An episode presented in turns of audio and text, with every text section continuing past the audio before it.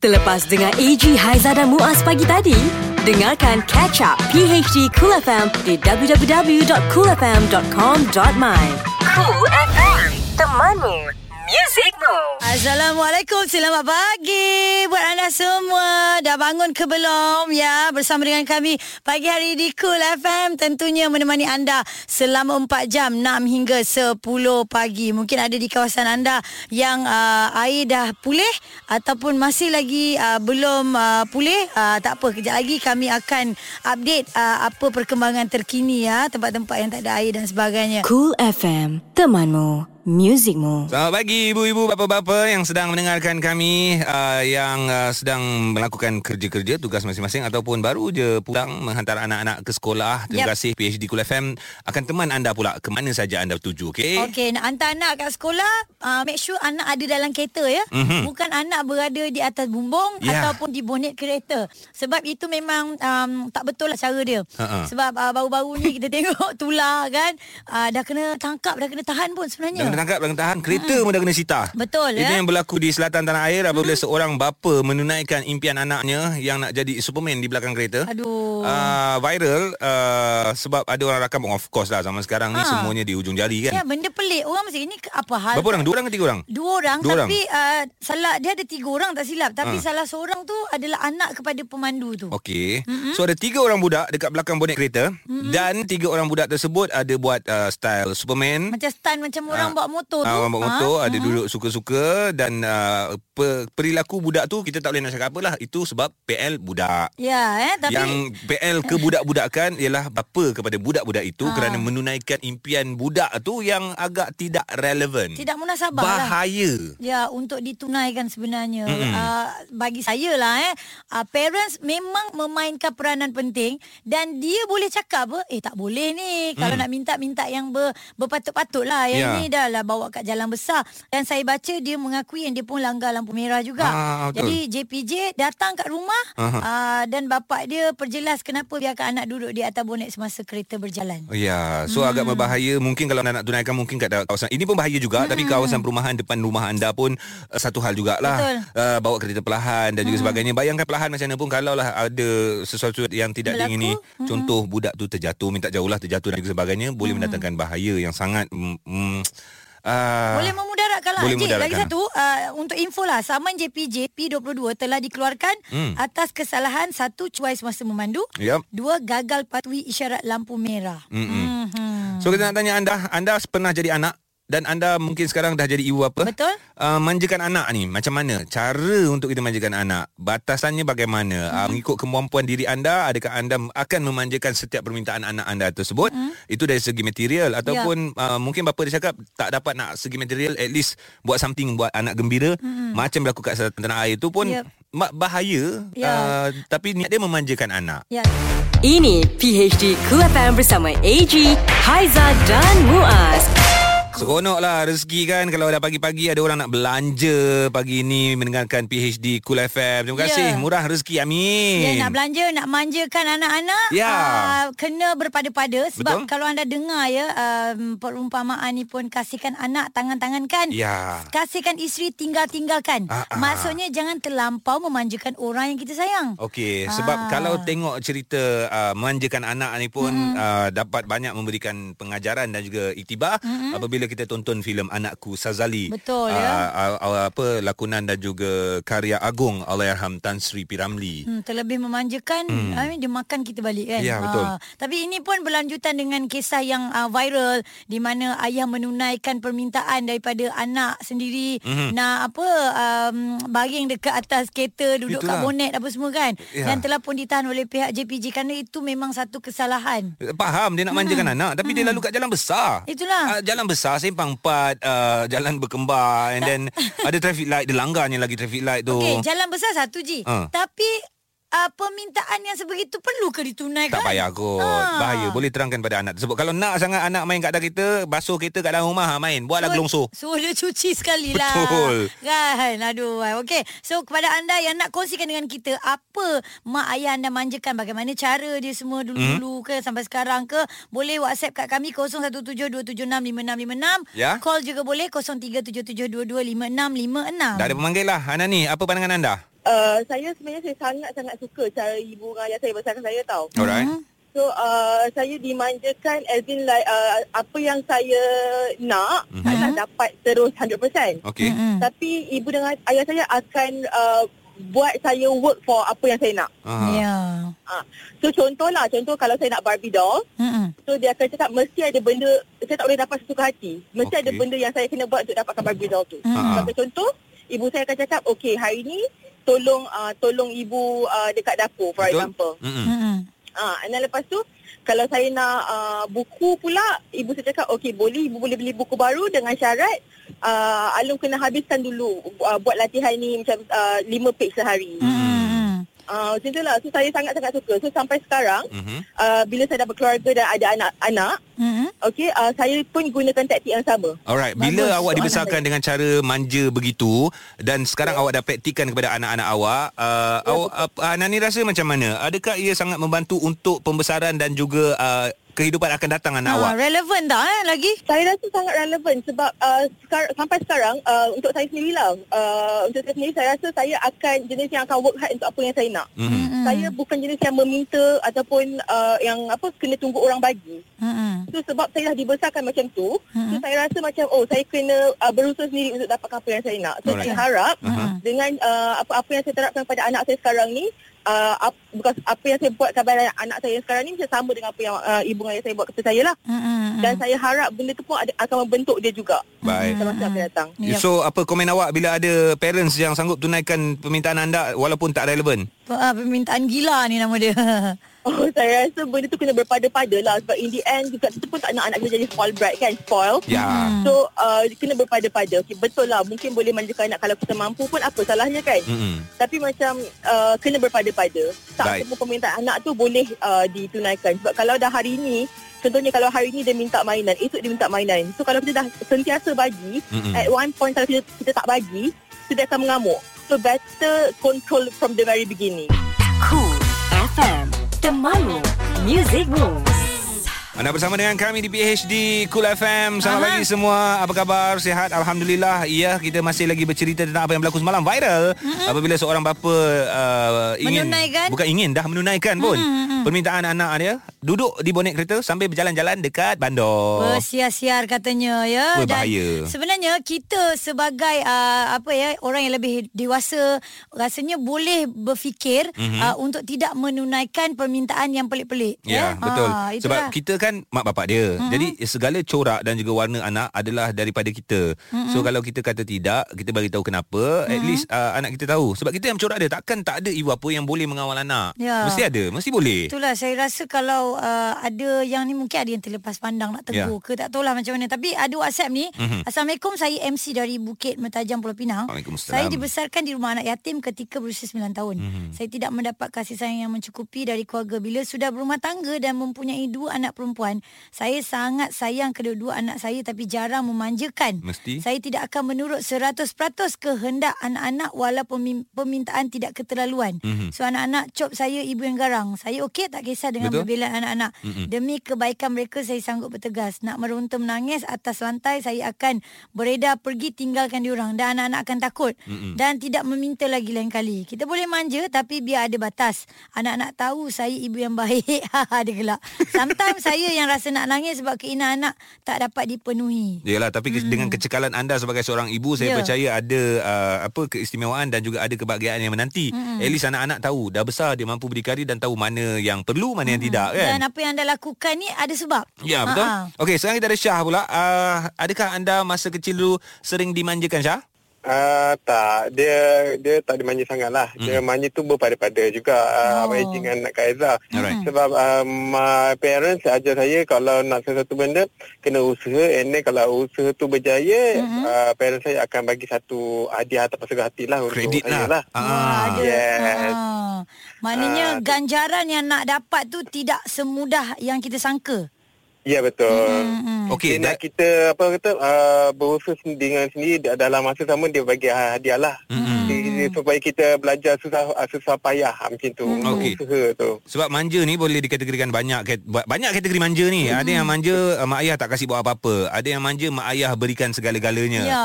Ada Ya, yang betul. manja manja kena belajar uh, berdikari. Mm-mm. So awak punya kategori manja tu macam mana?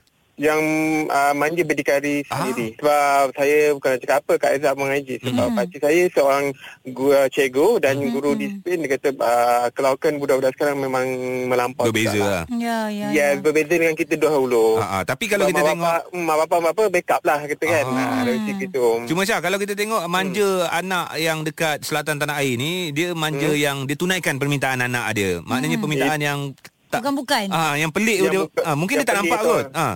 Hmm, mungkin dia tak perasan kot sebab dia terlalu uh, apa terikut kendak anak. Kalau itu kalau macam itu membahayakan keselamatan pada budak tu dan juga pada mak bapak lah sebab Hmm. hmm. kalau uh, sebab dia tak anak ke atas kereta tu kan itu Ya. bahayalah tu. Betul. Ya. memang bahaya. Ben, Hmm. benda ni berlaku uh, satu jadikan sebagai iktibar, yang kedua kalau tak berlaku benda ni orang tak nampak. So jangan ulang Ah, lagi. Ah, tu selagi tak kena kat kepala dia sendiri, ah, benda tu dia akan buat. Kalau Ya. dah kena, ah, dia akan, orang kata tak akan buat lah, akan berubah.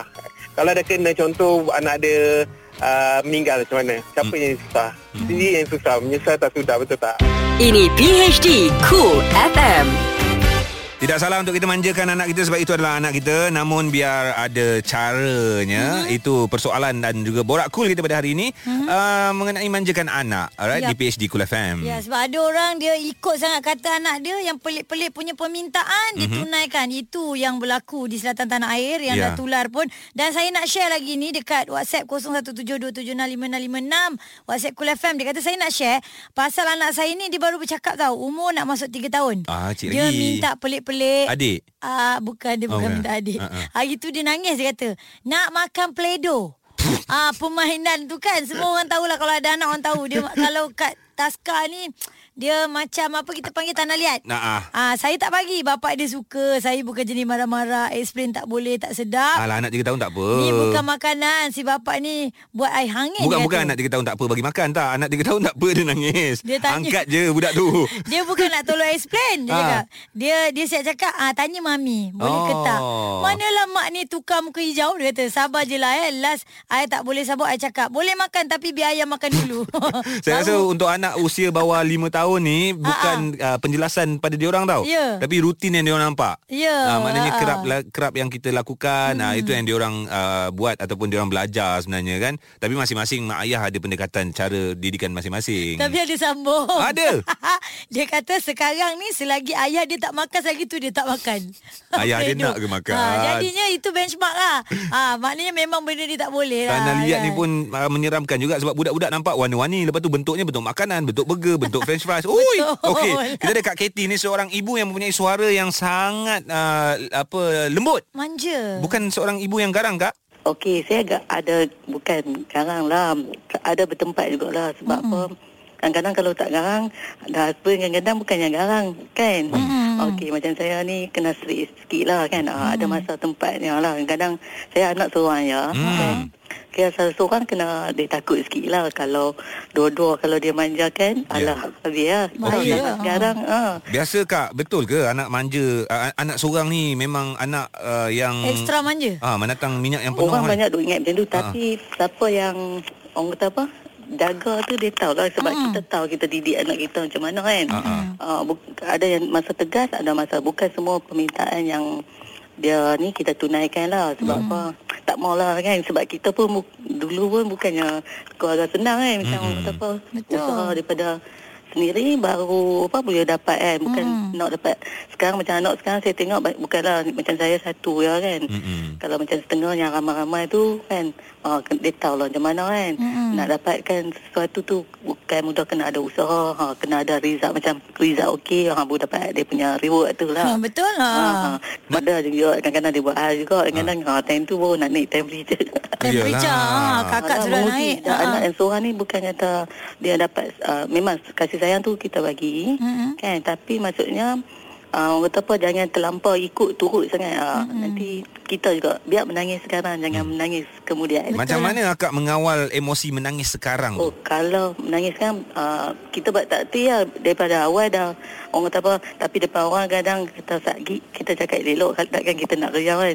Sagi balik Ha, tak ibat hal lagi kena Ah, pintar. Akak- akak- Sampai halus tak kepala hang aku putar. Kalau kepala hang nanti keputar. Eh itu langsung anak takut Ini PHD Cool FM bersama AG, Haiza dan Muaz.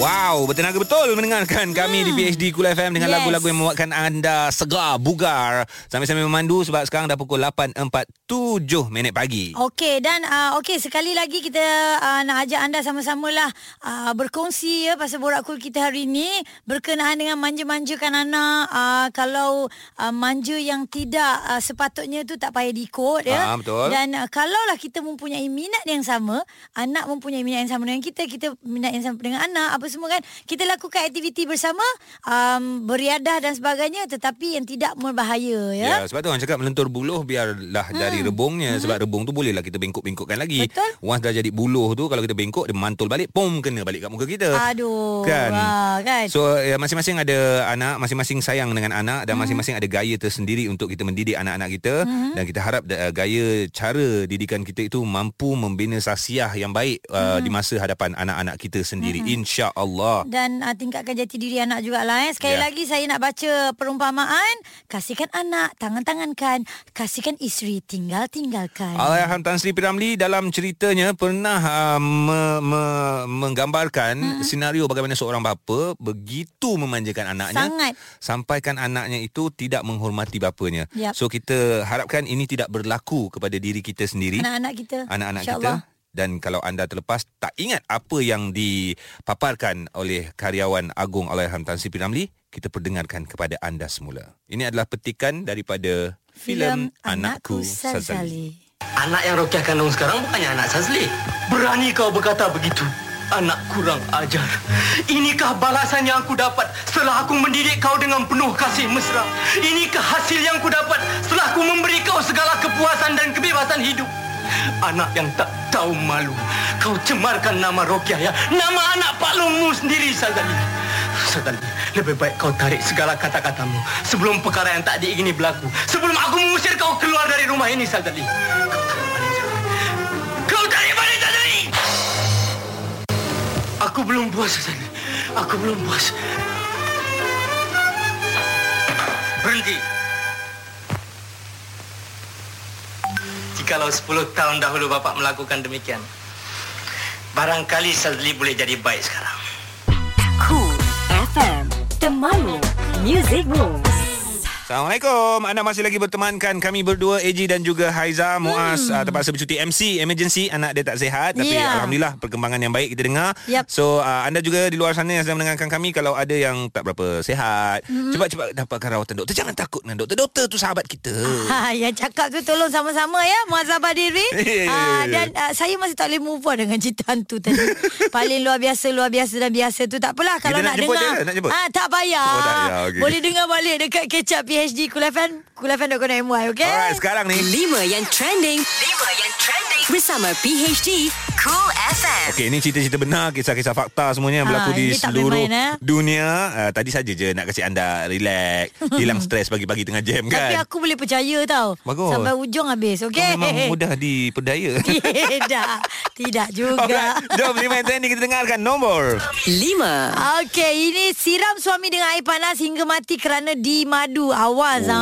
wow, wow. Gara-gara dimadu seorang wanita di Indonesia, Makassar ya, tergamak menyiram suaminya dengan air panas hingga menemui ajal. Alamak, ingatkan tak mati. Mati. Suspek dikenali sebagai Aminah berasal dari Sulawesi Selatan, Berang apabila mendapat tahu mangsa uh, Bakhtiar, uh, suaminya lah berusia Hmm. 28 tahun bernikah dengan wanita lain secara senyap. Ketika kejadian, ibu kepada tiga anak itu sedang masak air. Oh. Perasaan marah bercampur baur pada masa tu saya tidak fikir panjang saya terus jirus air panas pada tubuh suami saya yang sedang Hmm. nyenyak tidur yang katanya telah berkahwin selama 12 Oh, tahun. dia bagi tahu bukannya beritahu time tengah masak air. Tak. Oh. Oh. Memang dia dah tahu agaknya tengah uh-huh. kebetulan tengah masak air meluap-luap macam air panas tu juga. Aduh. Dia siramnya suami dia dengan tidur. Jadi suami tak dapat nak buat tindak balas kan macam ni. Ini golongan wanita dengar mesti cakap ambil kau. Eh tapi tak boleh macam tu. Kita ada undang-undang. Tahniah Napi. Eh, baik. Hey! Berita yang berada di tangga keempat ni. Ayo. Okey. Okey cerita mengenai jemaah uh, Malaysia hmm. berasal dari Johor Bahru. Hmm. Amil Abdullah berusia 63 tahun uh, meninggal dunia di Hospital King Faisal di Makkah hmm. Jumaat lalu akibat jangkitan kuman dalam darah dan sudah dikebumikan selepas subuh. Uh, tabung haji mengucapkan takziah kepada keluarga jemaah berkenaan dan akan membuat badal haji untuk Allahyarham secara percuma. Dan setakat ini sampai 16,628 jemaah haji Malaysia sudah berada di Tanah Suci dan daripada jumlah itu 15,440 jemaah berada di Makkah manakala selebihnya di Madinah dan semua jemaah di Madinah dijangka tiba di Makkah pada hari ini. Hmm. Maknanya ini adalah berita ataupun perkabaran duka yang pertama Betul. membabitkan jemaah dari negara kita Malaysia tapi hmm. uh, positif side-nya kan Aizah hmm. Ini yang yang kita umat Islam cari kan Yap. meninggal Ah. dunia di Tanah Suci, Tanah Suci, pada ya. hari Jumaat Betul. Allahu Akbar Dengan niat dia nak mengerjakan haji ya. Ya, hmm. itu pun uh, perkabaran yang kita terima dan apa pun kita doakan jemaah-jemaah haji kita di sana uh, sihat dan pulang membawa haji yang mabrur insya-Allah. Amin. Seterusnya, 3. Gareth Bale sedang menimbangkan tawaran daripada China untuk menjadi pemain bola sepak pertama di dunia Hmm. menerima gaji 1 juta pound. Mai, Sabar. seminggu. Ah, seminggu nak cakap itulah dia kelab Liga Super China Beijing Kaya Guan. no. Itulah menawarkan rundingan bebas cukai. Ui, bebas Se- cukai. bebas cukai. Uh, selepas bos Real Madrid Zinedine Zidane berkata dia mahu pemain Wales itu meninggalkan kelab itu secepat mungkin. Oh, Allah. Zidane dah tak nak dia Nak eh. Dan uh, ejen Bale Jonathan Barnett melabelkan Zidane sebagai memalukan kerana memaksa pemainnya itu meninggalkan gergasi Spanyol. Hmm. Zidane enggan menurunkan Bale ketika Real tewas 3-1 pada perlawanan persahabatan Enggan? tentang Tak turunkan lah? Dia tak nak. Oh. Ah, sebaliknya meletakkan pemain berusia 30 tahun sebagai penonton. Meletakkan Bale itu sebagai penonton. Bel. Go lah Bel Go lah to China Bel Go go go. One week One million dollar mah Hayya Oh, ai. tapi kan uh, itulah kalau dengar China ni sebenarnya diorang punya ni lagi besar. Oh. Oh dahsyat ah. Satu Sanggup juta bayar. seminggu Satu juta dolar Duit kita 5 eh, pound je. Duit kita Oh. 5.1 juta. Satu juta pound Ya. Oh ya Dah jangan fikir lagi lah. Oh, ya. Sebab kita takkan Macam dapat yang tu. kuih tiaw Oh, yo. 2. Jual kuih tiaw pun tak dapat tu. Baik. Uh, ini cerita tentang barisan pelapis negara menunjukkan perkembangan memberangsangkan selepas skuad bawah 15 tahun negara uh-huh. Muncul juara kejohanan bola sepak remaja antarabangsa di China. Kejayaan itu diraih selepas anak buah P Maniam menundukkan Korea Utara 2-1 pada aksi ketiga di stadium Haiku.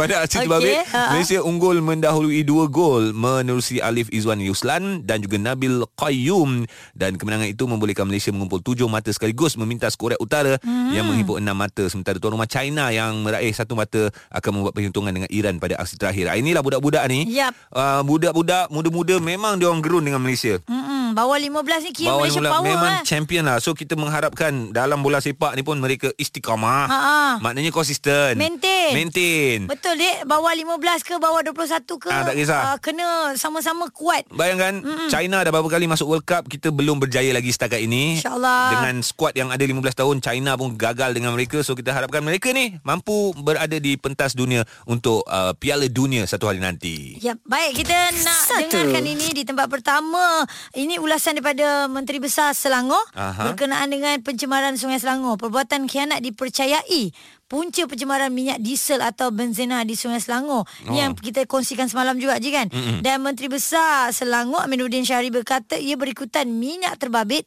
dikesan memasuki aliran air dari sebuah ponton yang sudah tidak beroperasi sejak 2 bulan lalu. Mm-hmm. Dia berkata susulan itu sejumlah 100 liter minyak terlepas ke dalam aliran Sungai Selangor yang kemudian dikesan pihak uh, Air Selangor di muka sauk loji rawatan air LRA uh, Rantau Panjang. Hmm. Dan uh, beliau melihat salur keluar itu tidak mungkin terkeluar akibat angin atau hujan. Sebaliknya ia disebabkan ada mekanikal atau orang yang menariknya untuk mengeluarkan minyak berkenaan. Oh, baiklah hmm. itu perkabaran yang kita pun dah pantau hmm. uh, nak tahu cerita dia daripada semalam. Yap. Orang Selangor pun nak tahu cerita daripada semalam, nak tahu Ya. apa perkembangan. So hmm. uh, dari masa ke semasa perkembangan tersebut akan kita bagi tahu kita maklumkan insya-Allah. AG, Haiza dan Muaz. Ini PHD Cool FM. Yang panas lagi hangat. Ouch! Lidah pedas. Lidah pedas. Bersama Sister Cool. Hello, hello. Kopi Omila. Season kembali selamat hari Selasa. Hati-hati dalam pemanduannya kat rumah tu cepat-cepat siap. Janganlah lama punch in. Ah, walaupun dah time fleksi ni, kenalah ikut timing yang betul. Jangan salah guna kesempatan yang telah diberi. Ah, gaji tak pernah pasal boleh tarik balik baru tahu. Ah, pergilah kau masuk kerja pukul 8 balik. Dan hari ni Sister Kul nak berkongsi cerita mengenai figura awam yang macam menjadi ikutan ramai jugalah dekat Instagram tu. Sebab bila sister tengok setiap posting dia Like dia, views dia Macam tinggi jugalah Sebab dia ni macam mempengaruhi anak-anak muda di luar sana Tetapi bagi sister figura awam ni Macam sedikit angkuh dan semakin belagak. Ah, Bukan apa. Sebab sister pun adalah juga tengok-tengok video dia Aktiviti-aktiviti terkini dia. Macam kadang-kadang macam inspiring jugalah. Macam best ya umur kau baru awal 30-an Dah dapat macam-macam Dah buat macam-macam. Tetapi bila sister baca caption-caption dia Macam sedikit angkuh Sedikit bongkak Sedikit belagak. Ah, Bukan apa you all. Sister cuma nak pesan lah. Korang tu rezeki diberi lebih. Macam Tuhan bagi rezeki awal Melimpah ruah. Alhamdulillah seronok tengok.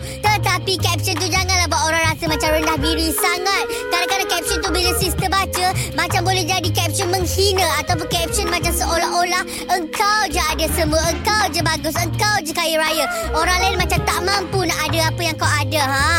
Sister pesannya you all Sebab rezeki ni di tangan Tuhan. Kadang-kadang sekelip mata je boleh hilang. Kadang-kadang sekelip mata je Tuhan boleh tarik balik nikmat tu. So ingat pesan sister Kalau nak letak caption tu hati-hati. Jangan terlalu bongkak Ataupun jangan terlalu angkuh. Tuhan tak suka Masyarakat benci. Okeylah bye. Ini PHD Cool FM. Selamat pagi orang Kota Baru atau anda yang berada di Kuala Krai ya 88.6 FM dengarkan pagi hari di Cool FM. Kami ada di sini menemani anda sehingga jam 10 pagi. Kita nak bagi uh, macam-macam info ya kepada anda dan uh, ini antara uh, segmen yang terbaru bersama dengan pagi hari di Cool FM. Sebelum ni dah banyak kita kongsi uh, tetapi untuk hari ini kita ada Ha, ini fakta. Eh, bukan. Ini auta. Eh, mana satu ni? Ha, itu dia. Oleh kerana saya seorang hari ni, jadi untuk main teka-teka ni, fakta atau auta, tak tahu siapa yang nak jawab. Mungkin anda yang dengar kita uh, boleh fikir fakta atau auta. Terlalu banyak minum air akan mendatangkan bahaya. Apa jawapan anda agaknya eh? Okey, tak apalah eh. Haiza bagi jawapannya adalah Fakta. Yes, kerana orang dengan keadaan kesihatan tertentu misalnya sakit jantung, tekanan darah tinggi, pembekak pembengkakan kaki tidak boleh terlebih air. Orang yang pernah mengalami masalah ginjal, misalnya pernah menjalani pembedahan ginjal juga tidak boleh uh, lebih air lah. Selalu minum air mengikut ketetapan doktor. Itu dia antara fakta atau auta yang kami kongsikan. Terlalu banyak minum air akan mendatangkan bahaya. Memang benar ya. So, uh, untuk itu kalau anda nak lagi dapat info, anda boleh Google tengok apa sebenarnya uh, doktor punya saranan kalau orang yang ada uh, masalah atau penyakit sebegini. Ini PHD Cool FM. www.coolfm.com.my untuk orang yang berada di Manchester. Huyo, dengarkan kami melalui uh, live streaming dan juga anda boleh muat turun aplikasi Cool FM di telefon pintar anda ya. Cari saja di App Store ataupun Play Store. Okey, pagi ini bersama dengan saya Haiza nak kongsikan dengan anda. Cerita cool hari ini dan semalam. Ah, apa yang uh, kita nak kongsikan ni ialah berkenaan dengan ghost smoke yang semua dah tahu uh, kalau perasan ah eh, yang uh, kalau anda Google ataupun anda tengok dekat media sosial ada budak-budak sekolah ya um, konon-konon makan gula-gula tapi berasap mulut dia. Kenapa berasap? Yang saya ni pun tengok cakap eh budak-budak ni isap vape ke? Boleh ke? Apa yang berlaku ni sebenarnya? So uh, itu yang tular di media sosial. Jadi ini mendapat uh, satu tindak balas uh, daripada uh, Timbalan Perdana Menteri uh, Dr. Wan uh, Azizah yang mana beliau kata mahu penjualan ghost smoke dihentikan. Uh, yang mana penjualan gula-gula yang mengeluarkan asap seakan-akan rokok itu apabila disedut. Uh, kita pun macam eh fikir apa benda ni nak jual pada budak-budak sekolah kan. Dan beliau yang juga Menteri Pembangunan Wanita, Keluarga dan juga Masyarakat pada masa yang sama meminta ibu bapa meningkatkan pemantauan ke atas anak masing-masing. Ha, dan baru-baru ni juga media melaporkan mengenai kebimbangan ibu bapa berhubung penjualan gula-gula berkenaan yang mengeluarkan asap seakan-akan rokok apabila disedut. Ha, takkanlah budak-budak kecil apa ni dah dibenarkan untuk uh, orang kata praktis macam uh, hisap vape dan sebagainya kan. Jadi uh, untuk penjual ataupun peniaga juga kalau anda nak keuntungan pun ya tengok-tengoklah ya alert sikit dengan apa yang berlaku sebab ini boleh mengundang uh, perkara-perkara yang negatif. Cool FM. Temanmu. Music Rules. Tahniah kepada uh, Malaysia lah kerana kita dah ada logo terbaru uh, yang telah pun dirasmikan oleh Tuan Dr. Mahathir Mohamad. Mhm. Mm-hmm. Visit uh, Truly Asia Malaysia lawannya untuk 2020 ni. Malaysia truly Asia. Tapi ni visit Visit Truly Asia Ah, Malaysia. Yelah Malaysia Truly Asia tu Ya. Lama dah tu dulu Hmm, kan betul, So betul. Alhamdulillah Tahniah Dan uh, kita sebagai rakyat Malaysia Untuk 2020 nanti Hmm. uh, Sekarang kita dah boleh train uh, Truly Asia Visit Malaysia tu Bukanlah sahaja Untuk luar negara Yang melihat negara kita Malaysia Betul. Tapi start kita ni Kita sesama Malaysia ni Kena Kita. tunjukkan yang terbaik Okay Kita sendiri pun tak habis pusing Malaysia. Betul. Ah, come on. Hmm, biasa? Wow, luar biasa? Wow, paling luar biasa. Yeah. Alright, apa yang biasa luar biasa paling luar biasa ni kita nak kongsi? Uh, yang paling luar biasa sebab semua tiga-tiga cerita biar aku je yang cerita. Wow. Ah. Oh, kau nak conquer eh? Yes. Okey, silakan aku Ini tukar dengar cerita je. mengenai hantu Pontianak. Alamak. Ah, ada tiga cerita. Ha? Uh, cerita yang pertama dia ada tiga ekor hantu Pontianak. Okey, ni yang biasa? Ini yang biasa. Okey. So dia berjumpa antara satu sama lain dia meeting. Okey. Okey, bila dia meeting, dia mencabar antara satu sama lain. Hmm. So Pontianak yang ketiga ni, dia cakap dengan Pontianak uh, dua dan juga satu. Alright. Dia cakap kau nampak tak kampung kat depan tu? Lepas tu Pontianak dua orang ni nampak dia cakap nampak nampak nampak. Mm-hmm. Okey, kau tengok eh. Dia pergi. Sup, dalam masa 2 minit dia balik. Fuh, muka Yang dia, ketiga tu terbang? Yang ketiga. Pergi ha. zap, patah balik dalam masa 2 minit muka dia dah berdarah-darah. Oh. So dia cakap dalam masa 2 minit aku berjaya menghisap semua darah penduduk kampung. Biasa eh. Pontianak nombor 2 pun cakap, "Relax, relax. Aku punya turn." Belagaknya. Ha, ini Pontianak nombor satu Tengah relax lagi Okey. okay. kat tepi tu Dia cakap Kau nampak tak bandar kat depan tu Lepas tu dua-dua ni cakap Nampak Aku pergi Sup Seminit dia balik Nombor dua ni. Nombor dua Ha. Dalam masa seminit je Dia berjaya menghisap seluruh penduduk bandar, tu. tersebut Maknanya yang tadi nombor tiga ti, uh, dua minit ni Dua dia minit. buat dalam masa satu minit. Satu minit Paling luar biasa. Belum Ada lagi.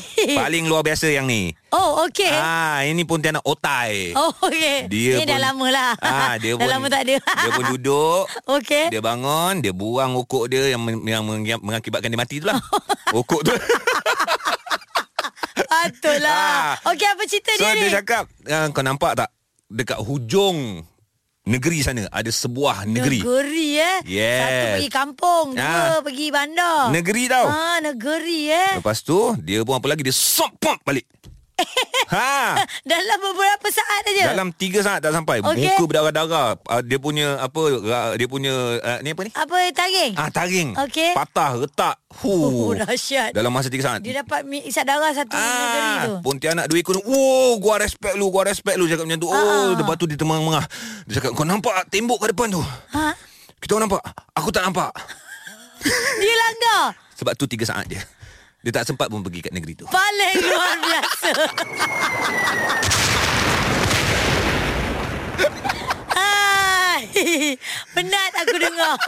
Cool FM.